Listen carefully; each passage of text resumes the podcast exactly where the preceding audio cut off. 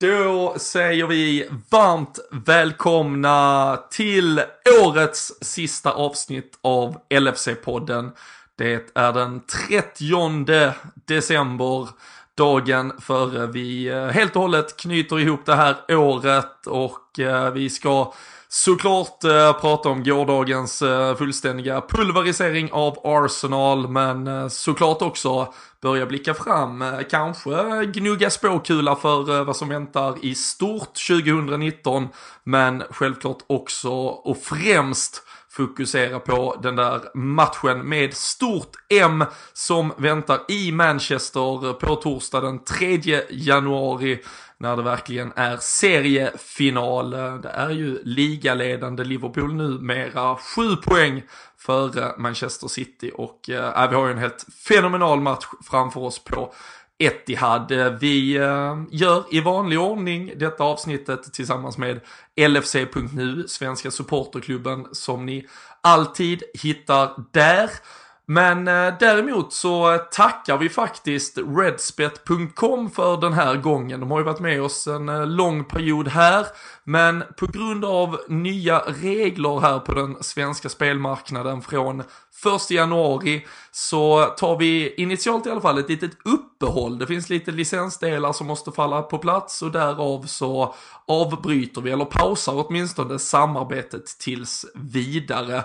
Vi eh, skulle framföra hälsningar från redspet.com och eh, tacka till alla som har varit med där på allt spännande som eh, har varit så här långt och de hoppas snart vara tillbaka på den svenska marknaden igen. Är det som så att ni har pengar insatta där på något konto så kan ni absolut ta ut dem. Däremot så kommer ni inte från den första januari att kunna spela mer där fram till att allt är på plats igen. Men eh, vi eh, önskar eh, Redspet lycka till här och så hoppas vi ha dem med oss snart igen. Eh, en som jag däremot har med mig som jag vet sitter och liksom värmer upp riktigt ordentligt som bara vill höra lite intro och sen köra loss ordentligt. Det är Jocke Lundberg. Men eh, ni får hålla ut lite så hör ni honom och mig alldeles strax igen.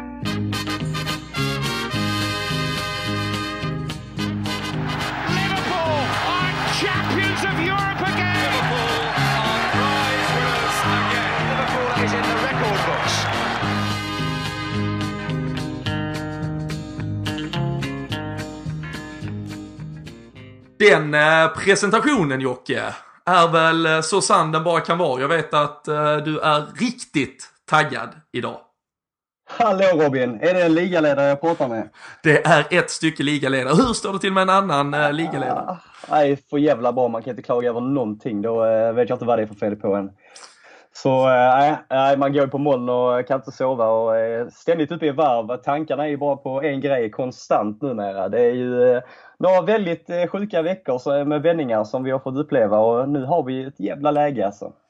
Och, och det är det, vi ska ju prata väldigt mycket om det här läget. Hur, men hur generellt, för man, man märker lite sådär delade läger fortfarande på framförallt sociala medier och så här, kring just det här nu eh, vet jag att du la kanske på lite, lite överentusiastisk ton här eh, inledningsvis, men, men, men, klarar du av att stanna upp och liksom eh, njuta av det som nu är? Jag minns bara säsongen 13-14 hur jag aldrig tog chansen att njuta av den resan som det ändå var. Det försöker jag i alla fall göra på ett annat sätt nu. Hur klarar du av att hantera det?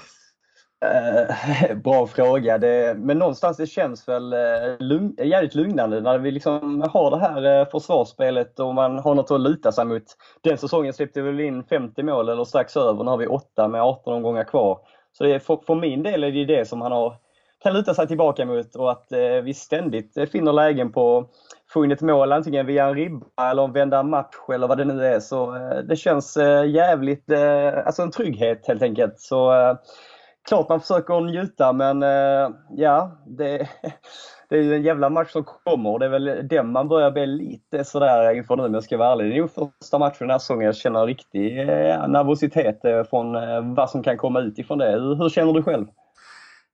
Alltså nervositeten inför torsdag, den börjar... Nej, det, jo absolut, den börjar absolut komma krypande och nu, vi var ju på, på Napoli-matchen här för några veckor sedan och, och, det var ju faktiskt i ett läge där, där den här liga, om vi ska säga, ja men ligatoppen hade ju faktiskt inte tagit den här vägen än, utan då kanske man snarare, då låg det snarare kanske i vågskålen att ännu ett Champions League-äventyr skulle kunna vara liksom ja, säsongens stora eh, morot och det man skulle ha sig fram emot. Och därav, där och då kändes ju den matchen ungefär så viktig som Manchester City-matchen gör nu här om ett par dagar. För det var ju liksom, äh, då hade vi ett ligaläge där Manchester City såg extremt starka ut och där vi liksom, ja men tar vi oss vidare från Champions League-gruppen, skaffar vi oss ett, ett, momentum där, vi vet vad vi kunde göra senast, äh, det kanske vi kan göra igen.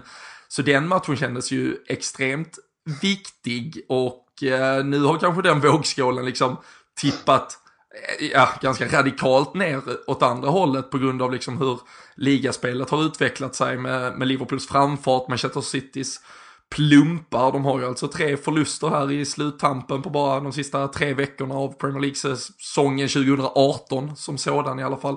Och eh, nu har ju vi allt i våra egna händer och eh, som du säger så är det ju på ett, på ett Liverpool-sätt som ja, men som inte du eller jag någonsin har upplevt i alla fall. Och jag skrev en krönika på LFC.nu igår och det är ju liksom folk som refererar till, ja men jag är själv född eh, liksom 73 och jag minns en gång typ där liksom det har känts så här liksom någon gång i mitten mm. och slutet ja. av 80-talet och så vidare. Och det, så det är ju såklart något, något unikt det vi ser och, och som du säger, så, alltså åtta insläppta mål, vi släppte in 51 tror jag det var den där 13-14 ja, säsongen. Precis. Alltså det, vi kan ju släppa in ja, två, till och med två och en halv mål per match resten av säsongen och så kommer vi knappt upp på de siffrorna ändå. Så vi har ju, vi har ju numera en fallhöjd, en grundtrygghet som, som inte har funnits där tidigare och eh, jag vet inte om det är den som spelar in att, eh, och sen kanske då att man fick prova på det, känna på det där 13-14 men jag håller ju med om att man någonstans i alla fall känner sig lite sådär oförskämt ja men ändå förhoppningsfull ska jag väl säga i alla fall. Jag ska inte säga liksom säker på något sätt men, men jag vågar på allvar tro på det och jag känner att spelarna, Klopp, klubben, jag känner att alla andra tror på det och har bestämt sig Även om det bara är Dejan Lovren som vågar prata högt om det. Och det, då känner jag bara, det måste ju vi också våga göra i så fall som supportrar. Det är ju vi som kan skapa drömmarna på läktarna. Uh, jävla brandtal från dig där. Jag kan bara instämma. Men jag tror också man har fått en jävla skjuts uppåt nu. Framförallt från november var väl lite sådär med, med både Belgrad och, och Paris. Uh, där man tvekar lite på att, ja, har vi verkligen uh, rätt mittfält? Har vi det ena? Har, har, vi det andra? Och sen kommer den här decembermånaden där vi väl, är det åtta segrar vi rabblar upp ja. av åtta? Var det, ja. Och liksom speciellt under jul och nyårsperioden där vi trots allt fortsätter att sopa lag eh, över mattan. Och, men vad är det som får dig att tro att liksom, this time is different? Du sa 51 mål där eh, 13-14, jag tror det var 27 08-09 eh, eh, under Benites. Benitez. Nu har vi 8 i har, har vi 18 omgångar kvar. Det är ju nästan typ ett mål per match vi kan släppa in om vi ska nå samma bollar insläppta som 08-09. Men vad är det som får dig att tro på att det här kanske kan gå vägen? Även om det givetvis är många svängningar kvar antagligen och många matcher kvar. Ja men alltså fram, framförallt om vi... Ska, ska, vi, ska vi baka ner det? Ja men precis, men, men om vi ska baka ner det någonstans till en symbolspelare för allt det som jag liksom tror på numera i dagens Liverpool så, så kan jag landa i Gini Wijnaldum till exempel. Alltså vi är numera ett lag bestående av så extremt många spelare på den, kanske då inte den där absolut yttersta världsklassnivån, men som ligger där precis under, som ändå är beredda att hänge sig laget. De är beredda att göra sin taktiska roll. De är beredda att bidra, liksom, både på och utanför planen. Och alla spelare, ja men turas om egentligen att ha en topprestation i sig. Roberto Firmino har fått stå ut med kanske, vi ska inte kalla det kritik, men i alla fall liksom ett ifrågasättande om han bidrar med tillräckligt mycket poäng. Han är ju ja, fenomenal, ett hattrick igår. Uh, Mohamed Salah spelar ju faktiskt inte på någon hög, jättehög nivå i alla fall igår just mot Arsenal. Uh, Sadio Mané blandar och ger. Uh, Robertson har kanske sin sämsta match och det säger väldigt mycket om hur fantastisk han har varit hela säsongen. Uh, liksom, uh, backlinjen kanske då inledningsvis inte ens är så stabil. Men där är alltid tillräckligt många spelare. Där är alltid 8-9 spelare i den här startelvan. Oavsett vilken startelva vi ställer på planen. Som är ja, men som är spelare på absolut yttersta nivå. Det gör att det sprider sig ett lugn. Vi pratade om det till exempel efter Manchester United-matchen där vi inte förhastade oss. Då visste vi, ja men vi har Shadan Shakiri, vi kan byta in, ja, men då lyfter vi laget lite till genom att göra en Mm, liten, liten förändring. Och som sagt, oavsett vem det är som liksom når en liten topprestation per match så, så räcker det någonstans för att alla gör, ja men alla gör liksom en 8 av 10 insats och så räcker det att två, tre stycken gör en topp, topp insats så är vi bättre än ja, 99% av de motståndare vi kommer möta. Och när vi har mött Manchester City på torsdag, skulle vi rent av förlora mot dem, ja, men då har vi ändå fyra poäng till godo på dem. Skulle vi vinna, då har vi 10 poäng till godo på dem. Och då har vi mött dem. Och det är egentligen det enda laget som jag ser kan, ja, men som jag ser på pappret på förhand, ja men de kan ganska rimligt faktiskt slå oss för de är ett tillräckligt bra lag. Jag ser inget annat lag som kommer vänta sig i resterande 17 matcher som på förhand går in som favoriter. Vi möter Chelsea på hemmaplan, vi möter Tottenham på hemmaplan. Vi har redan då mött Arsenal två gånger denna säsongen. Äh, vi ska åka till ett Manchester United på Old Trafford, vi vet vad det är för en typ av match. Vi vet att Manchester United någonstans i alla fall själv tror att de har vaknat trots att de har liksom slått ligans typ tre sämsta eller mest formsvaga lag här. Eh, Varav två gånger på hemmaplan. Men ja, jag, jag kan, jag, Ja, jag men, kan inte eh, helt ärligt se var, var och varför vi skulle förlora en match just nu. Ja, men jag tycker man kan väga in många eh, aspekter. Jag vet inte heller var man ska börja riktigt, men du kan ju börja någonstans med det här som Klopp uttalade sig om i veckan, att han själv eh, anser att vi liksom inte har kommit upp i den absolut högsta nivån vi kanske är kapabla till att göra. Det är en grej. Sen en annan grej tycker jag är hur vi liksom, eh, har lärt oss att komma runt alla typer av motstånd i ligan. Eh, ja, frågetecken vi haft förr när någon backar tillbaka eller bussen. Vi finner alltid en väg. Som du sa, vi har spelare som kommer in, som har suttit på bänken ett par matcher, som gör avtryck. kan vara en Shakiri, en Origi, en Sturridge. Ja, någon av de andra mittfältarna som alltid har en snurr, eh, som snurrar runt på den positionen. Är en trupp eh, harmoni, gemenskap. Jag säger bara igår när Salah lämnar bort straffen för att Firmino ska få sätta in den och göra ett hattrick. Sådana smågrejer tror jag är väldigt viktigt för att ja, kunna fortsätta hela, hela vägen ut. Och det, känns som, det är inga divor i laget. Det känns som en jävla gemenskap. Det är folk som är jordnära. De tar en match i taget. Det är mycket fina grejer utanför planen också. Mm. Med grejer de gör, projekt både lokalt och andra organisationer och grejer. Det är mycket sånt som jag väger in som får mig att tro på det. Att det, det verkligen är en, en enda grupp. Liksom. Ja men det, jag, jag håller med dig och liksom, det är ju ganska vanligt förekommande både från Liverpools sida och från andra klubbar att man liksom delar lite hur det ser ut, eh, framförallt kring jul, liksom en del samhällsengagemang. Vi vet att klubben alltid besöker Alder Hay till exempel. Alltså, Det, det är ju lite sånt där som alltid görs. Men det som du är inne på, eh, vi såg Jordan Henderson eh, tillsammans, han tog in Adam Lallana, de höll eh, i Anfields lokaler hade de ju bjudit in eh, massa liksom från lokal området, eh, massa barn i liksom lite mer utsatta lägen och gav dem en helt fantastisk julupplevelse. Trent Alexander-Arnold gjorde det an hour for, for others och ja. Eh, ja men alltså extremt mycket engagemang, vi såg videoklipp, alltså sen, det är ju fabricerat ibland men, men, men skitsamma, alltså det, det görs med en genuin glädje. Det var Henderson, Wijnaldum och Klein satt och packade in julklappar, Wijnaldum var ute och delade ut julklappar. Det är liksom en distans, en liksom, ja, lite självdistans till det. Um, de vågar ändå prata om sig man, man hör när de, när de gör det här som att ja, men de boostar sig själv. Ja, men Van Dijk fick, uh, han fick rena lakan, liksom ett clean sheet, det, det fixar han varje gång. James Milner ja. uh, fick liksom, ja, men de, de är där för varandra och en spelare som då till exempel Wijnaldum som har växt ut till, jag tyckte igår var han bäst på plan, jag tycker att han under liksom hela säsongen sammantaget mer och mer växer ut till en av de här nyckelspelarna, troligtvis den viktigaste mittfältaren vi har i laget idag. Men, men han har ju till och med en attityd som är att ja, men Jürgen Klopp eh, tar ut laget, han eh, roterar oss, eh, jag får vila ibland och det funkar väldigt bra och sen är jag redo liksom. Där man då ser kanske i hos konkurrenter och vi har sett det förr i, i vår klubb liksom att ja, men en match på bänken plötsligt och då är det ridå och då är livet så jävla tradigt och man är så utsatt och det är så hemskt och tränaren är skit liksom.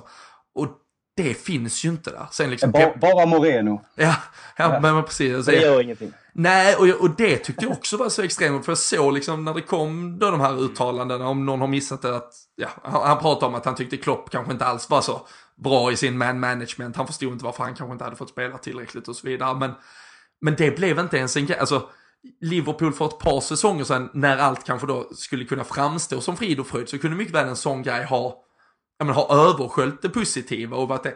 Men eh, sen kanske det var för att det kom från just Moreno, jag vet inte, men, men inte ens fans tog det till sig, ingen orkar bry sig. Okej, okay, säg du vad du vill, det skiter vi och så bygger vi vidare och så fokuserar vi på fotbollen. Så äh, där ligger ju någon, liksom en grundharmoni.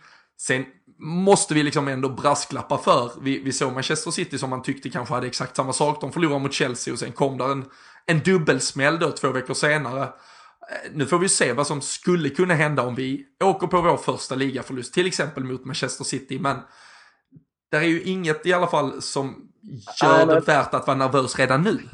Det är det som är den stora frågan för mig. När sker det och hur responderar vi? Det är ju det som är, ja, om det nu kommer en förlust, eh, såvida inte vi går obesegrade, men det är ju det som är nyckeln för mig. Hur vi, hur vi svarar på det och hur vi radar upp en, ja, kanske ett par segrar efter det, eller hur vi svarar helt enkelt. Det är nyckeln för att se vart det här laget eh, kan ta oss och hur långt det har kommit. Mm. Och jag tycker egentligen vi gör det. Vi kan, ju, vi kan prata lite om eh, Arsenal-matchen eh, såklart, liksom baka ner den lite mer konkret. För där, där någonstans, ändå, om, vi, om vi ska våga tro att vi liksom fick en försmak på hur det skulle kunna se ut så var det ju egentligen vi hade då ett Tottenham som, som plötsligt hade blivit någon form av titelutmanare. Man pratar om dem som skulle kunna vara i alla fall då en, en dark horse, ett tredje lag in i den där mixen. Som då går och förlorar hemma mot Wolverhampton, eh, har en 1-0-ledning, Wolverhampton tar över hela matchen, vänder och vinner 3-1. Och plötsligt så, så ligger det då liksom ett silverfat för Liverpool att oj, den här fick ni gratis. Nu kan ni slå Arsenal, rycka, Tottenham kan vara borta. Ni kan skaffa det här försprånget, den här pressen på Manchester City. Och då pratar ju många om att ja, det hade varit så typiskt Liverpool att förlora det, eller tappa det och inte klara av att komma upp i, i match. Och det, visst, titta historiskt så finns där alltså gott och väl liksom fog för att, att påstå det. Titta sen på vad som sker och det är att Arsenal tar ledningen efter tio minuter och Liverpool var faktiskt ganska skärrat de första, alltså det var inte jätte, jättebra. De var ju igenom på ett ganska exakt likadant läge bara en minut eller två tidigare. Och det, det fanns liksom plötsligt något i luften som var, och i helvete. Mm. Men där tar det. Sen visst, det är flax och det är flyt att det kommer så snabbt, men pang, pang, 2-1, eller 1-1, 2-1. Och, och så är vi tillbaka. Och ville man se någon försmak i alla fall av hur det här Liverpool-laget svarar på pressat läge, ja men då tyckte jag vi fick det där. Sen vad det kommer betyda den dagen vi eventuellt har förlorat en match och ska, ska liksom, ja, hitta ny kraft i något lite större än en, ett par minuter i en sekvens i en match. Men det var ju, det måste ju du hålla med om, liksom, eh, upplagt för att där skulle den där första bumpen kunna komma. Ja men eh, utan tvekan, det var första känslan jag fick. Det kändes som, är, är det nu det sker? Är detta första förlusten eller poängtappet? Jag fick några flashback där från Chelsea 14 också. Det var hur mycket som helst som rörde sig i mitt eh, huvud där och då. Och hur vi då eh, skulle respondera men vi kvitterar och tar ledningen och dunkar in fyra bollar i samma halvlek innan den blås av. Ehm, och sen eh, ja, skrattar man ju bara. Och vad fan är det för lag? Eh, är väl det man kommer fram till. Man förstår ju inte mycket. Och hur snabbt vi eh, svarar på det är också jävligt starkt. Det är en styrka från spelarna också. Att jag tror till, vi, hela Anfield tänkte antagligen samma grej. Att är det nu liksom 31 raka matcher med gårdagens förlust då på hemmaplan utan förlust. Och är det nu den kommer och hur svarar vi helt enkelt. Men då reser sig spelarna ändå, kanske när arenan är lite sådär tveksam och gör det, jobbet ändå. De kavlar upp armarna och skiter i vilket. Och det, det är en jävla styrka och ja, det kan ingen ta ifrån dem. Nej, och det, det, det, är ju, det är ju nästan kanske som man liksom så här, eh, ja, det, är väl, det är väl tid, det är väl hög tid så här dags på året att man brukar så här summera sin Spotify-lista och sådär. Jag tänker nu kan man summera sina hyllningskörer här och Virgil van Dijk-sånger och hyllningskörer har man väl sjungit kanske mest av allt hela detta året. Men vi har pratat om han som ett kaptensmaterial och, och det första man faktiskt ser när vi släpper in det där 1-0 målet det är ju han, hur han liksom mm. kliver mm. fram, fångar laget lite liksom uppmärksamheten, vakna, fokus, vi vinner detta, klappar igång dem.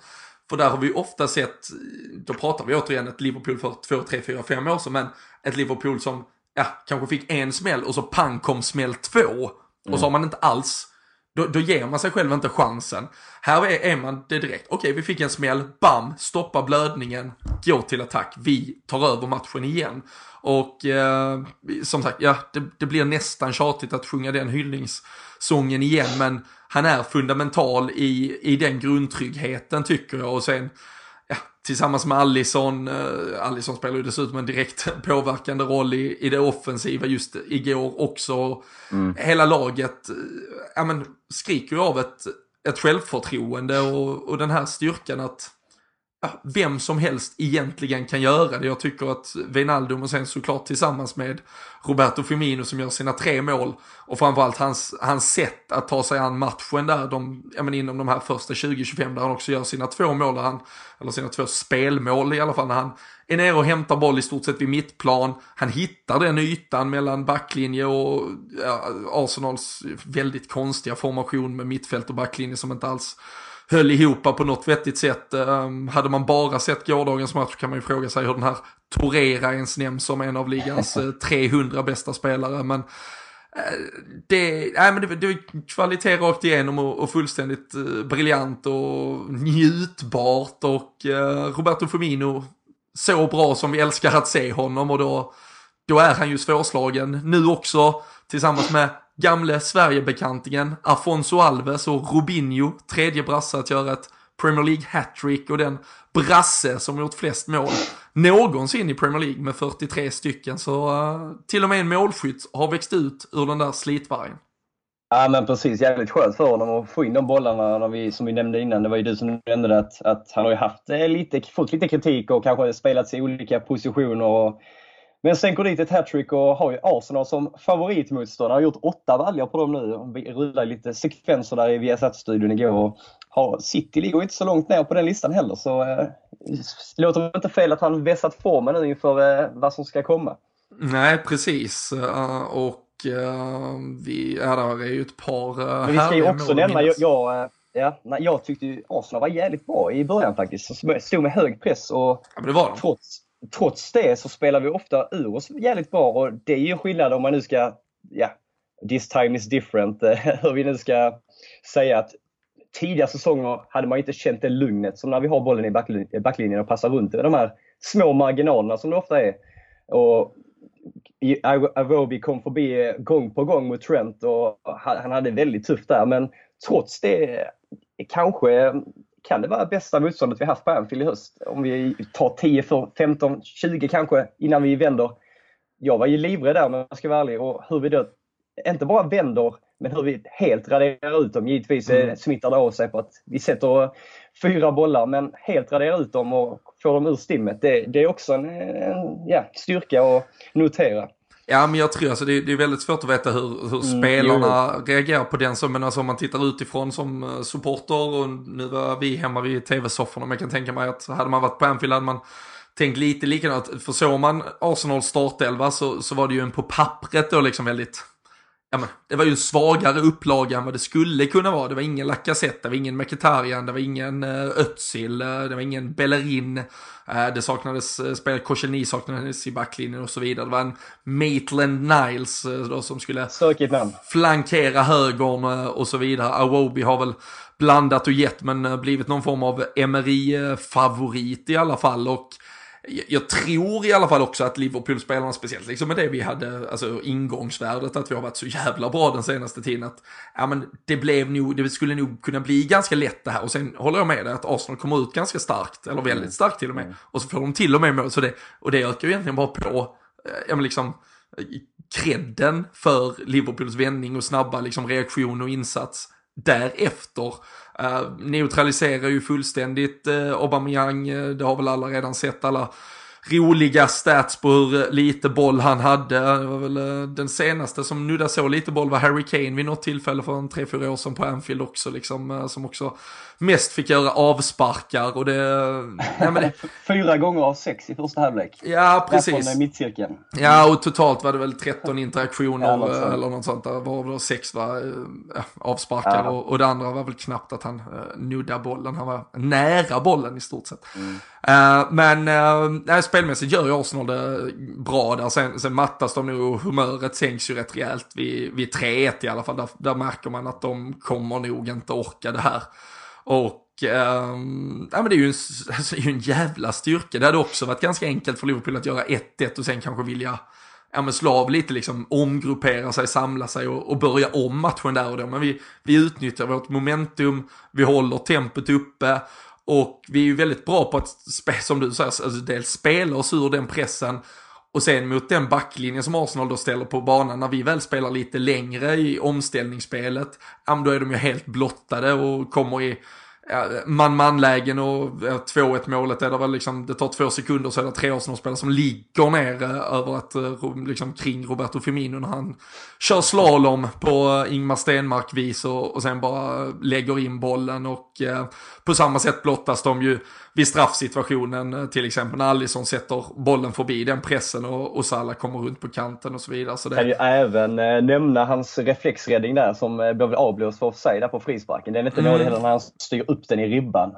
Ja. Det är jävla reaktion på få sekunder där. Så det är konstant eh, ingripande från honom. Och framförallt då när de sätter så hög press. Eh, ja, Mignolet eller Karius hade ju fått resterande backlinje och ja, skita på sig i tidigare säsonger.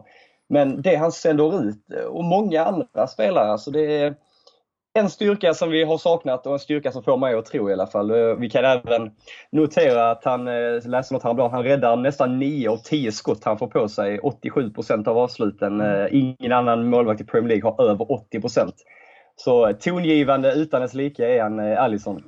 Ja, och vi kan väl vi kan väl en gång för alla mygga av diskussionen kring om han eller Ederson är den bästa brassen i ligan. Va? Är väl eh, numera på hälften så många insläppta mål eh, till exempel. Så eh, den, den stänger vi igen och hoppas att vi inte får äta upp de orden om ett par dagar när de går head to head på Etihad. Eh, du nämnde den ena straffsituationen där, där eh, Salah ger eh, bort bollen, eller ger bort möjligheten då till Firmino att sätta dit en, ett hattrick. Det är ju den sista där. Kolasinac inblandad i båda.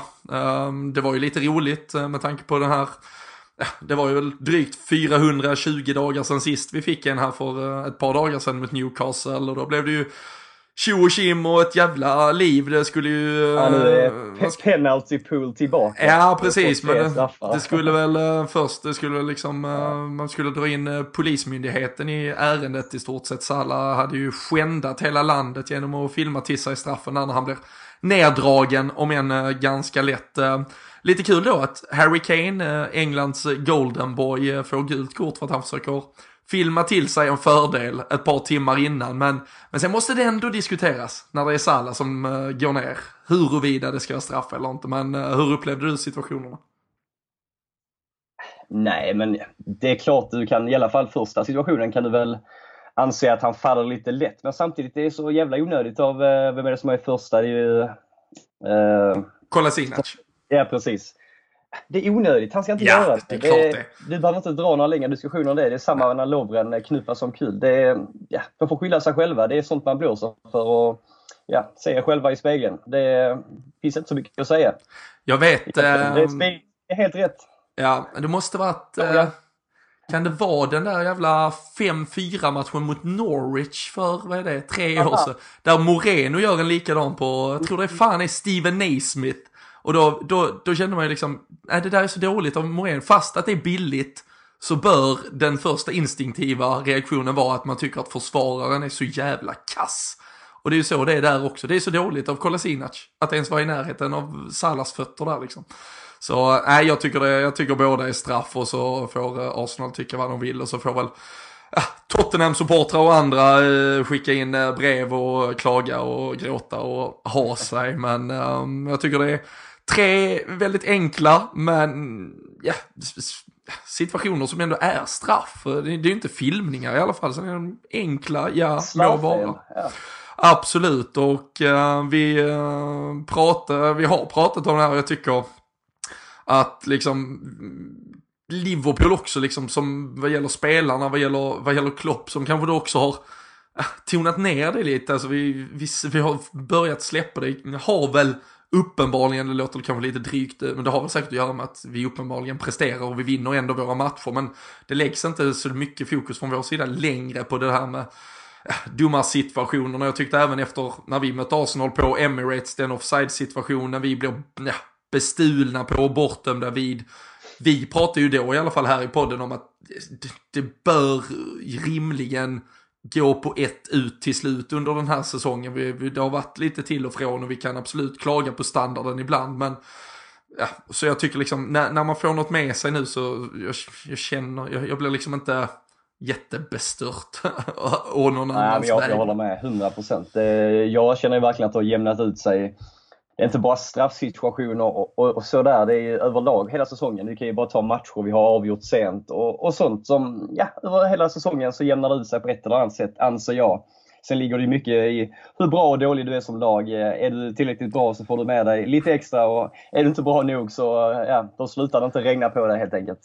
Nej, så eh, är det väl. 5-1 skrevs siffrorna till i alla fall. Vi, vi har ju något Ja, väldigt eh, speciellt där, en speciell relation till Arsenal. Det brukar vara ganska svårt att komma till Emirates men det brukar vara extremt enkelt att eh, avfärda dem på hemmaplan. Det var 4-0 eh, förra säsongen. Det var som säkert många minst 5-1 också för då, eh, vad är det, fem år sedan nu, 13-14 säsongen. Eh, så det har varit ett par riktiga pulveriseringar eh, och ehm, denna gången hoppas vi väl att det då är ett eh, tecken så gott som något på att eh, vi har en formtopp med oss inför det som nu väntar här på ehm, andra sidan årsskiftet. Vi har ju lite eh, tur där. Vi, vi, vi slipper spela direkt. Det är ju vissa som går igång redan den första här på nyårsdagen. Vi Liverpool-supportrar, vi hoppas väl att spelarna skiter i alkohol helt kanske, men vi hinner vara lite bakfulla och sådär gött.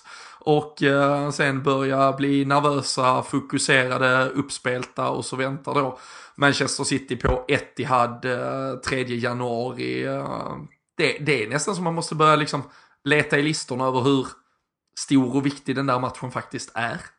Jag trodde du menar att du redan skulle börja dricka öl, men eh, det kanske du menar också? Ja, jag sitter faktiskt med men det, så det är okej. Okay. Det, är okay. det är som vanligt. Ja. Nej, det är svårt att säga tyngden av matchen. Givetvis skulle vi vinna är det ju 10 poäng. Eh, men eh, samtidigt, ja, jag tror ju någonstans att eh, det är, inte, det är långt ifrån avgjort. Jag, vågar nog inte hoppas för mycket. Det brukar ju svänga rejält när det är Liverpool-sammanhang och det brukar vara det klassiska att vi inte gör någonting enkelt.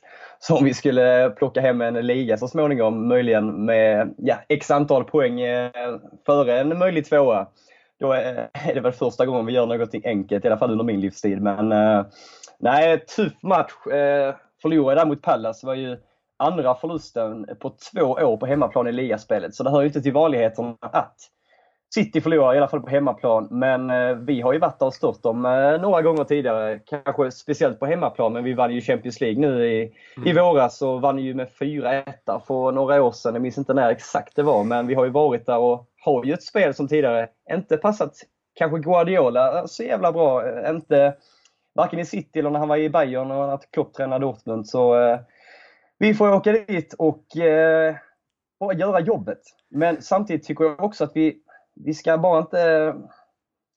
Alltså det, det, är så jävla skönt att åka dit och inte ha pressen på sig att vi måste vinna, som man kanske kände för en månad sedan när man satt och kollade i spelschemat vad som ska komma. Och då var ju City, vad var de, hur många poäng var de före? Det var väl två poäng back på dem vi var och typ så 15 mål eller sånt. Mm. Då kände man ju att den här måste vi vinna om vi ska vara med, annars drar de, rycker de ifrån. Men att åka dit nu i det här läget vi har och egentligen kunna försöka få med oss ett kryss. Givetvis ska vi gå från seger.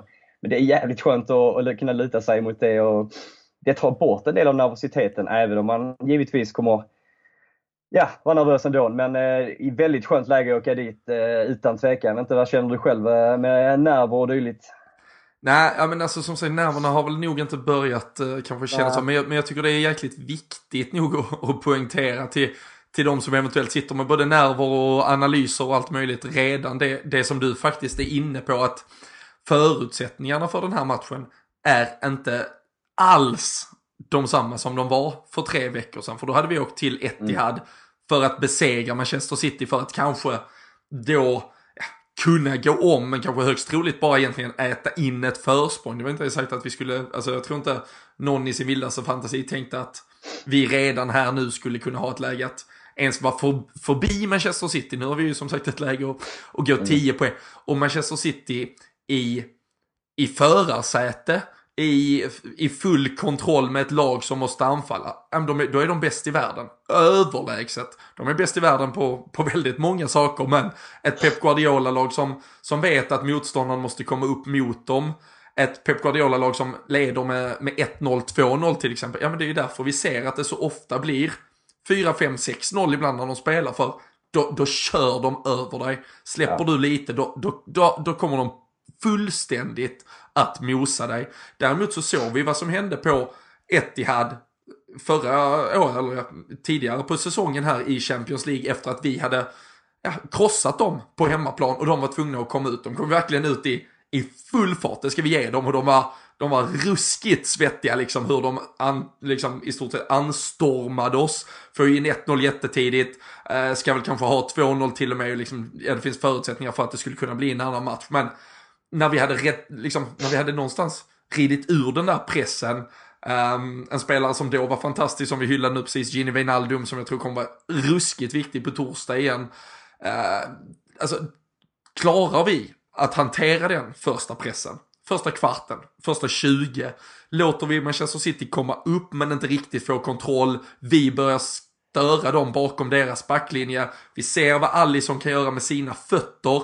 Pep Guardiola pratar om det själv att liksom, ska man sätta en första press så måste man sen ha spelare där bak för att vinna bollarna som kommer när vi släpper upp det.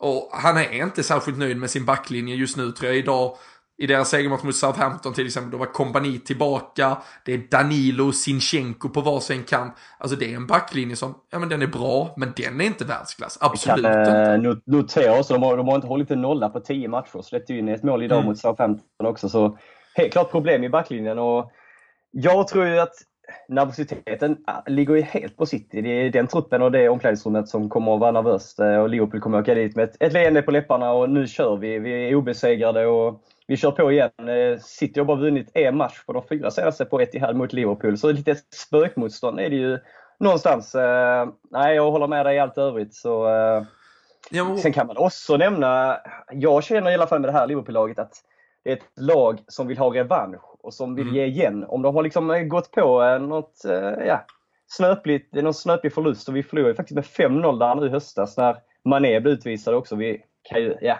argumenterbart var vi det bättre laget fram tills Agüero gör 1-0 mm. där efter en halvtimme ungefär.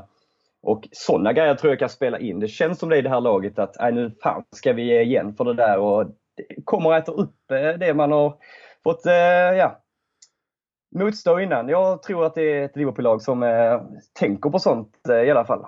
Ja, nej, absolut. Och, och som sagt, alltså City vana, alltså många av de här spelarna de har nu, de är vana vid att, att faktiskt jogga hem de här eh, ligatitlarna ja. i stort sett. Nej, men de, de såg hur lätt det var förra säsongen och jag, jag tror även de redan nu känner en frustration, frustration någonstans att deras chans då att, att äta upp något mot oss det, det, är redan på torsdag och även om de vinner, då är det fortfarande fyra poäng.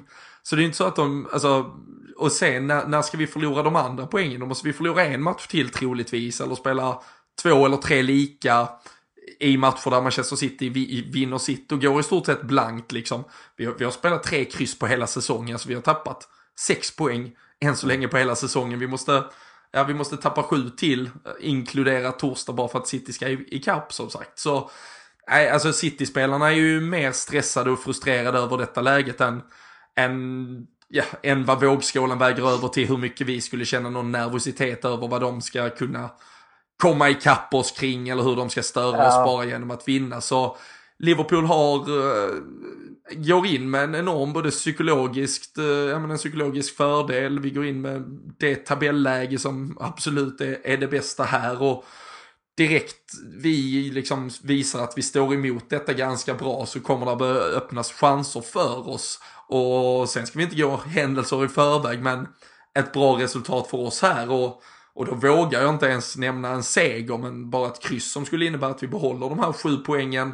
Tottenham som spelar redan på, äh, vad blir det, nyårsdagen. De kan ju då bli en seger om vi kryssar, då kan de också vara sju poäng efter oss. Men, men alltså då, då, har vi gjort, då har vi gjort våra, alltså då har vi gjort det tuffaste, tuffaste jobbet. Och vi har pratat Tottenham till exempel, de ska in och spela ligacup. Uh, semifinaler, dubbelmöte mot mm. Chelsea. City ska visserligen också göra det, men det är mot Burton så kommer väl gå lite enklare. Kan nog rotera runt ganska rejält. Men, men däremot så kommer ju deras fulla fokus när de känner, för jag tror att Pep Guardiola är tillräckligt smart för att, ja men för att rent objektivt faktiskt tro att, ja men Liverpool tappar nog inte 8-10 poäng och det betyder att vi måste gå helt rent och Liverpool måste någonstans fucka upp detta ganska rejält för att ligatiteln ska kunna bli verklighet ifall allt går som vi hoppas på torsdag och då måste han sätta full fokus på Champions League. Han har inte vunnit den än med Manchester City, han vann inte den med Bayern München. Han har fortfarande liksom den där lilla asterixen i sitt legacy att ja, han vann bara Champions League med världens bästa klubblag genom alla tider. Det var ju det Barcelona-laget 2011, 2012 ungefär. Mm. Och det vill han ju såklart liksom rätta till. Så, äh, alltså torsdagen är... Äh... Jag tror också, eh, som du säger, tyngden av Champions League för ett Man City liksom som ett nytt lag eh, i kortleken, eller vad man ska säga, att de vill liksom hävda sig och få bekräftat på att det är ett lag av europeisk toppklass som ska vara bäst i Europa. Det är det man har investerat för i, i flera år. Och den tror jag är allt de egentligen suktar efter och vill ha mer än något annat. Eh, du var inne på det innan för övrigt, tre kryss. Det är ju också mot City hemma, sen Arsenal och Chelsea borta. Och om vi då väger in den här halva säsongen vi har haft mot vad som kommer i vår. Vi har ju fortfarande tappat mot de här skitlagen, tolka mig rätt, som vi ofta mm. gjorde förr. Och det är också en annan grej som får mig att tro på det, att det känns väldigt sällan som de har något att sätta emot. Att vi spelar verkligen bra av dem. Och eh, jag hoppas ju att vi går för det och spelar vårt vanliga spel exakt lika sjuka som vi brukar vara. För det är det jag tror kan straffa City. Jag vill inte att vi åker dit och försöker spela hem någon poäng eller så. Även om jag tar poäng på förhand så är det någonstans det som passar City värst. Det är ju när någon pressar dem högt. Vi såg det när Lyon var där vann i höstas. Mm. Kan ju inte säga det om Pallas. Det var lite studsar, straffar och sjuka mål från eh, den ena och den andra som fick det att gå hem. Vi såg även Leicester nu eh, med Ward och grabbarna när de öser på. Då är mm. det tufft på den City-backlinjen. Så jag tycker bara vi ska gå ut och köra som att matchen betyder ingenting, förstår man rätt. Men vi ska inte falla tillbaka sådär. Givetvis beror det på matchbilden hur City startar. Men jag vill bara att vi går ut och kör. Kör liksom. Mm. Ja, jag ja. Ehm, håller med dig mm. fullständigt. Vi ska, vi ska ta en, en liten titt i den där eventuella startelvan alldeles strax. Jag tänkte bara fylla på där när du pratar lite eh, matcher, motstånd, eh, lag vi har mött och så vidare. Efter att vi har mött Manchester City, eh, som då fortfarande kommer vara som, som bäst tvåa i tabellen, tar vi dem uppifrån och ner så kan vi konstatera att då har vi mött Tvåan, Manchester City på bortaplan. Trean, Tottenham på bortaplan. Fyran, Chelsea på bortaplan. Femman, Arsenal på bortaplan. Sexan, Manchester United ska vi möta. Sen sjuan, Wolverhampton har vi mött på bortaplan. Åttan, Leicester City har vi mött på bortaplan. Nian, Watford har vi mött på bortaplan. Alltså, ja, där finns förutsättningar för att man faktiskt ska börja våga tro på eh, riktigt eh, stora och eh, spännande saker här. Nu har du ju flaggat upp för ett offensivt, aggressivt Liverpool. Vi har ju sett en startelva nu, två matcher på raken där. Sherdan Shakiri någonstans har varit den där, äh, men, han är ju den där lilla offensiva pusselbiten vi kanske trycker in. hur tycker du och tänker du att äh, Klopp bör äh, agera och äh, det är väl framförallt kring mittfält att där överhuvudtaget finns något att äh, fundera kring. Ja, det är väl det enda man har gått runt och tänkt på hela dagen idag efter gårdagen. Eh, svårt. Eh, han har ju jävla form och har ju haft eh, från och till och gjort avtryck varje gång han har fått chansen. Och man ser ju så fort han har bollen så löper alla andra. Han har en jävla blick för spelet och i en sån match där City kanske, kan, kanske förhoppningsvis kan bli lite frustrerat, gå upp lite högre än Shakiri på planen som har den här synen, kan slå de här bollarna ja, mot ett kontrande, med ett kontrande Liverpool så tror jag det kan vara en nyckel. Så jag ser gärna att vi spelar i stort sett samma lag eh, nu mot City. Eh, kanske, jag vet inte riktigt med Fabinho om eh, han ska spela denna eller inte. Mm, bara någonting som säger mig. Jag har ju haft lite svårt för honom, även om jag tycker han varit jävligt fin de sista veckorna. Men han börjar vinna över mitt eh, hjärta nu, men eh, jag tror bara att det kanske kan vara lite bättre med någon annan där. Eh, jag vet inte, vad säger du själv om mittfältskampen? Nej, men och det, och det ska väl faktiskt sägas att, uh, nu nämnde jag att till exempel Robertson uh, inte hade sin uh, bästa match mot Arsenal. Fabinho gör faktiskt en ganska slätstruken figur och är lite slarvig ett par gånger där. Där då ytterligare för att uh, hälla vatten på Gini Wijnaldum-kvarnen så var det ju han som rättade till ett par situationer på inom mitt fältet när eh, Fabinho eh, slarvade lite. Vi såg ju att han satte någon i gapet mot eh, Wolves här också. Han spelar ju med lite också med lite högre liksom, risk. Ehm, det handlar ju såklart om att Klopp måste styra hur, hur den risken och hur den attityden ska vara när vi kommer till Etihad på torsdag i så fall. Men vill man inte göra något alltså, radikalt är det inte för att vi ska gå in och ha en, ja, men en helt annan approach. Att vi liksom ska ligga väldigt mycket mer alltså, djupare i, i vår linje än vad vi brukar eller något annat så. Så skulle jag kunna se att vi går dit och spelar med samma lag.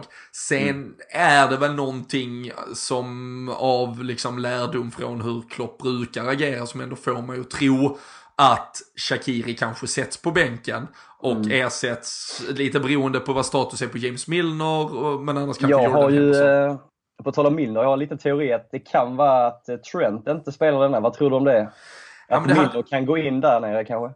Ja, men alltså det skulle absolut kunna vara det och vi, vi har ju haft Han lite... ju inte sin bästa match nu, eh, i alla fall första halvlek mot Arsenal och får ju det kämpigt med City snabbare spelare där. Men eh, kommer tillba- har kommit tillbaka från en skada nyligen så ska inte vara allt för hårda. Men det är bara någonting jag tror Klopp skulle kunna göra. Säger inte att jag själv vill se det eller tror det, men ja, Nej, men jag håller med. Och han har ju faktiskt, det är ju ofta att han har valt att uh, bänka Trent i mm. den här typen av matcher. Framförallt mot just uh, City och Leroy Sané har ju varit ett, ett ganska ständigt uh, hot uh, utifrån den kanten i många tidigare matcher när vi har mött dem.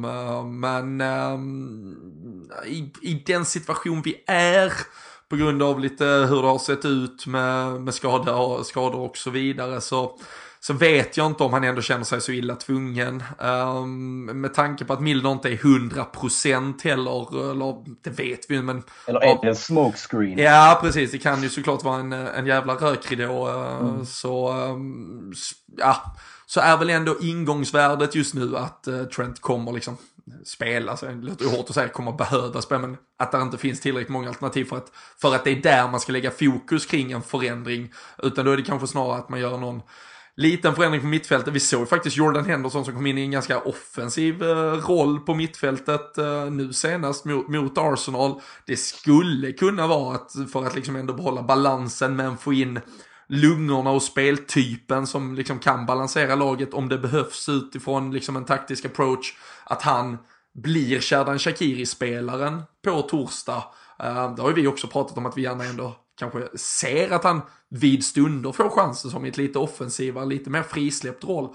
Um, så, så skulle det ju kunna vara ett alternativ för att ja, få in typen av spelare som är beredda mm. att spela ett lite mer uppoffrande spel. Uh, även om jag tycker att Sharan Shakiri just nu gör det verkligen riktigt, riktigt bra. Uh, men uh, att Klopp då ja, vill gå till sin kapten uh, när det, det vankas den här typen av match, även om han inte han har inte visat sig vara jätteromantisk kring det ehm, under denna säsongen och det tycker jag är liksom det största eh, ja, men creddet eh, Klopp kan få också. Att han har, han har helt eh, liksom krasst bara gått på 11 bästa spelarna anpassade för den här uppgiften och jag skiter i vem du är eller vad det står på din rygg liksom. Jag väljer spelare utifrån vad jag tror är bäst. Och han lär göra det igen. Ehm, jag tror inte vi får se jättemånga förändringar men möjligtvis en på mittfältet helt.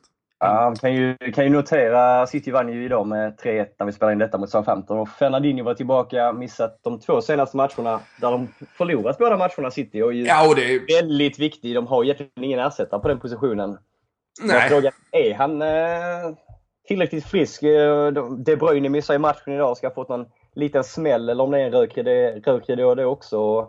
Gündogan var borta idag och Delphi är avstängd efter utvisningen mot Leicester. Vi ska gå igenom City lite snabbt. Uh, sen satt väl Sané på bänken idag också, som vi snackade om där med. Har ju haft en fin höst och hur vi ska göra på ytterbackspositionen. Så finns det lite frågetecken på hur City ställer upp här också. Men, ja, ja, och alltså en spelare som Fernandinho som som i sin liksom eh, bollbehandling och som det här liksom navet någonstans i City är, han är ju ruskigt viktig och jag, jag, tror liksom, de var inte beredda på hur de skulle, de äh, laborerar ju mot Crystal Palace och spelade John Stones mm. i en mm. defensiv mittfältsroll och fick det liksom, det blev ju pannkaka av allting. Um, det, det, kommer vara en jätteviktig, nu, nu, ska, nu ska vi inte bli en, en City-podd, men det är en jätteviktig grej för City att han är trots allt 33 och alltså Fernandinho sjunger ju på sista versen och där, där måste och kommer City göra något eh, stort, eh, nog inte i januari men, men säkerligen till sommaren och eh, Sen är han ju också eh, ganska eh, liksom brysk i sitt eh, spelsätt. är han inte 110% i form börjar Liverpool kunna få möjlighet att spela ett kontringsspel. Han kommer nog vara ganska blottad kan jag tänka mig. Jag tror det blir någon form av 4-1-4-1 med liksom Ska vi leka med tanken att det är en Sterling Sané på varsin kant, en De Bruyne, en David Silva och så en Aguero på topp. Alltså då, det är ju en fruktansvärd offensiv, men det är ju också mm. då en Fernandinho tillsammans med en ganska blek backlinje som är liksom sista, eller liksom, ja, sista muren, sista stoppet för spelare som Mohamed Salah, Robert Firmino, Sadio Mané, eventuellt en Shadan Shakiri. Det kommer finnas både ett, två och kanske till och med tio lägen i matchen där han kommer vara sugen på att liksom klippa ett ben. Och eh, beroende på vad matchen står och vad hans fysiska status är så finns nog alla möjligheter att han inte riktigt tänker klart och mycket väl skulle kunna dra på sig någonting. Så det, ja, det blir en jävligt spännande och intressant match. Man ska nog försöka ta det för vad det är. Ehm, det, det, är väl visst på något sätt en, en final, men det är samtidigt en final som vi har råd att förlora och så, så startar vi om vår eh, football manager-karriär och så, så har vi chansen att vinna på några andra sätt ändå liksom. Så det, ingångsvärdena är uh, fantastiska för Liverpool helt enkelt. Ja, jag håller med. Vi kan ju bara toucha det snabbt här nu när vi har snackat både sjukstugan, skadeläge, men även ja, vad vi tror om säsongen och hela den biten. Att senare, se, nu tappar jag bort mig helt. Eh, från senaste podden så har det kommit nyheter om Oxlade Chamberlain som eh, kan vara tillbaka i februari-mars någon gång. Givetvis inte i toppform direkt utan eh, får ju matchas in snyggt. Men jag har ju bara känslan att Klopp kommer matcha in det här snyggt. Vi får ge Klopp eloge för det hela hösten. Hur han har bytat, trixat och roterat och fått rätt på både byten och ja, byten inför matcher och byten under matcher. Mm. Men jag får ju bara känslan att han kommer matcha sin snyggt och stå för någonting eh, avgörande. Sen hur långt det tar oss en annan femma. Men jävligt roliga nyheter. Var ju grym under våren. Kanske bidragande faktorn till att vi tog oss, eh, i alla fall där till semifinalen. Han gick ut mm. skadad där. Men eh, det är sådana nyheter som gärna är välkomna. Eh, vad ja, känner du där?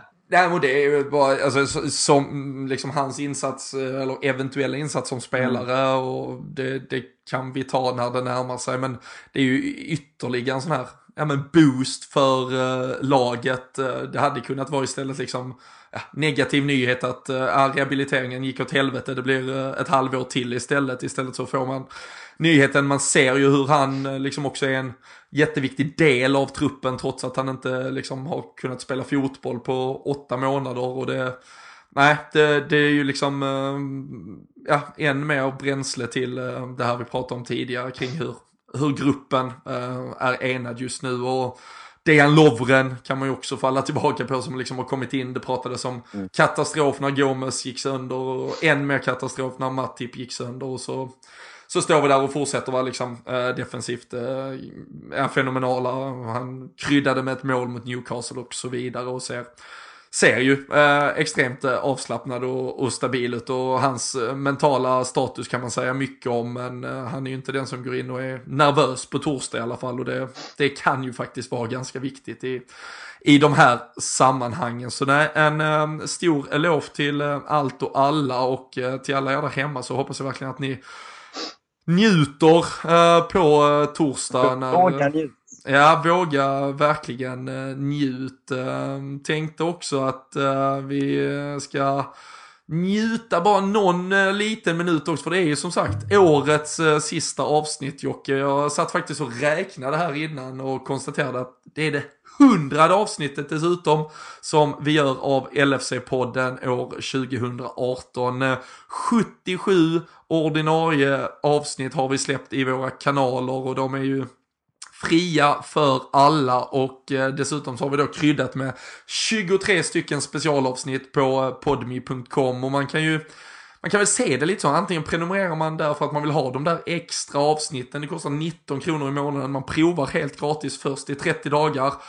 Tycker man annars att, ja men fan, det där som LFC-podden gör, det där som de bjussar på, de där 77 gratisavsnitten, de, de kanske räcker, men vill man eh, liksom eh, sponsra vårt fortsatta arbete så får man gärna glida in på podmi.com och signa upp sig på en sån där prenumeration helt enkelt. Eh, 100 avsnitt, gjorda detta året och vi eh, har ju absolut för avsikt att göra minst lika många under eh, nästa år eh, och eh, det är tillsammans med er. Det blir roligt. Det här var ju första året där vi fick igång podden Away dessutom i ja, men en och en halv omgång i alla fall. Vi åkte på en stor gemensam resa, 40 personer och sen hade vi drygt ett 20-tal med oss tillsammans där med CL-podden mot Napoli. Så podden växer, det händer så mycket och vi vill verkligen tacka alla som är med, eh, lyssnar och hejar på och tävlar med oss varje vecka på Twitter och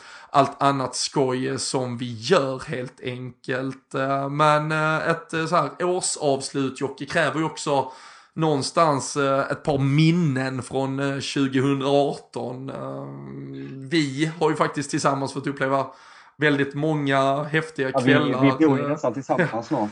Porto borta började med i februari, firade alla hjärtans dag på Stadio Dragao och eh, sen hade vi Roma hemma, den fenomenala liksom urladdningen där, eh, Kiev hela resan, eh, podden Away som sagt och massa, vad, vad sticker ändå ut från dig eller för dig här?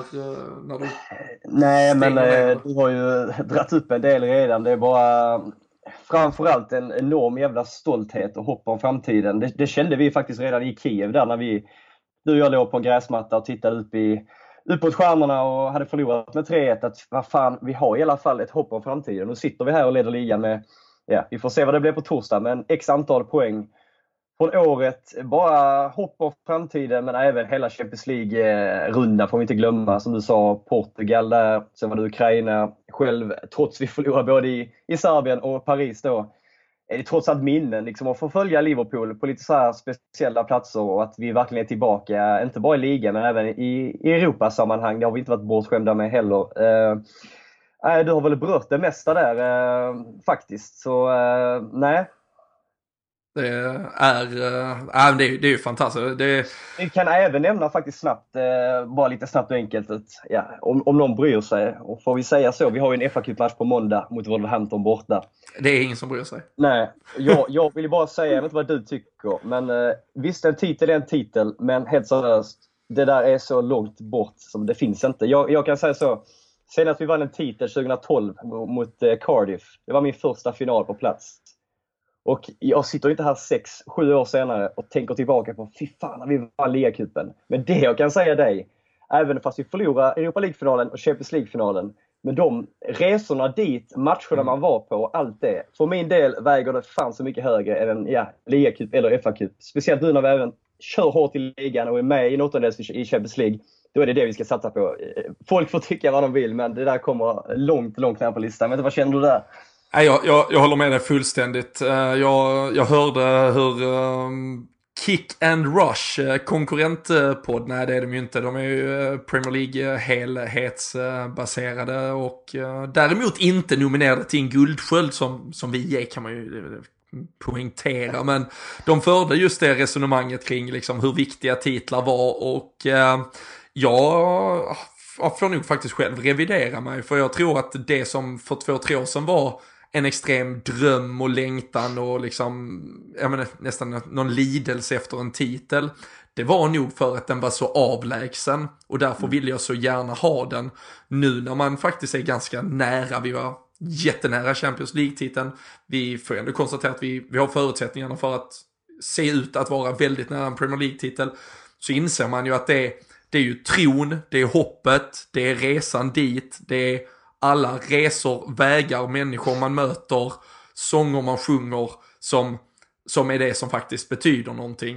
Uh, jag, jag, tror inte, jag vet inte, alltså det är klart episka minuter, alltså jag tänker att ja, men ett, ett avgörande i 93 minuten i Champions League-finalen eh, hade, det, det, hade ju någonstans liksom gjort ja, men något, något alldeles sinnessjukt med en antagligen. Men, men, men om vi hade vunnit matchen på det sättet, Real Madrid, alltså, jag tror inte ens, jag hade, det här låter jättesjukt att säga och jag förstår att det blir, ja, men, som du säger, jag tror inte jag hade suttit här idag och varit liksom en, en lyckligare människa eller en gladare, alltså. Men, ja, eh, det är klart att vi ska se till att vinna saker nu, men resan man får vara med på och eh, jag, jag håller med dig att det jag tar med mig från detta året är upplevelserna och eh, känslan och tron på det som nu faktiskt eh, finns framför oss och eh, nu ska vi se till att detta blir ett, ett 2019 att minnas och njuta av också när det väl är eh, dags. Eh, du ska få avsluta året och eh, börja 2019 med att eh, tippa också vad du tror att Oj. den där uh, monstermatchen i Manchester uh, slutar på uh, ja, det, det, roliga är att jag är lite vidskeplig. Jag har gått i samma Liverpool-shorts nu i säkert en månad utan att tvätta dem. Hur sjukt det låter. Men så, sån hade jag också där 13-14 och de är på konstant. Jag sitter i dem nu också faktiskt. Inte har du något sånt sjukt som du gör också? nej, nej, inte, inte nu. Jag, jag har ju faktiskt, alltså jag, har, jag, jag för ju en aktiv kamp mot jinxen faktiskt. Så jag mm. vågar ju, men förr var det ju extremt. Alltså det, ja, 13-14. Och det har jag ju sagt till, som sagt, jag kan återgå till det. Alltså, jag ska inte falla in i det igen. Alltså då mådde jag dåligt. Då, var det, då kunde det vara, gick jag liksom någon omväg hem eh, innan en match och vi vann, ja då fick jag gå den samma jävla omväg varje match. Så eh, nej, jag... Ganska sjukt eh, igår, jag stoppade in en ny snus som jag inte haft innan och det är då Arsenal gör målet. Och då slänger jag ut den direkt och tar tillbaka den gamla och då vänder vi matchen. Så man ska inte ändra på vinnande koncept. Nej, så är det. För att återgå till resultat. Jag hade tagit ett kryss på förhand. Men jag går för en seger så jag säger att det blir, uh, fy fan vad svårt. Uh, det blir uh, 2-1 till Liverpool. Ja men det är skitbra för jag tänkte säga exakt samma faktiskt. Så uh, jag, jag tänkte avbryta dig med...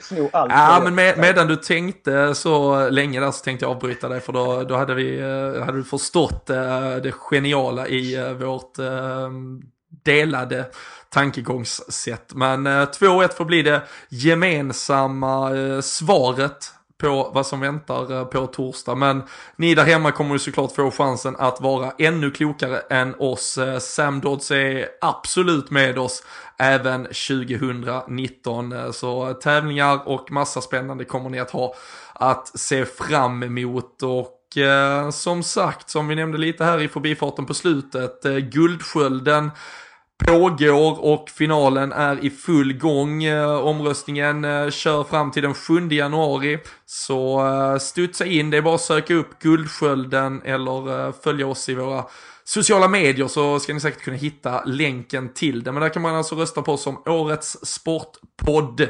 Vi går upp mot ett par tungviktare så alla röster är väldigt välkomna. Ehm, rösta från eh, dator, telefon, iPads och allt eh, annat. Eh, Skäl från både barn och föräldrar och rösta från deras enheter också. Så färgar vi även eh, sportmedia Liverpool rött helt enkelt och eh, så önskar vi er där hemma ett helt fantastiskt gott slut på 2018, ett gott nytt 2019 och stort tack för att ni är med oss.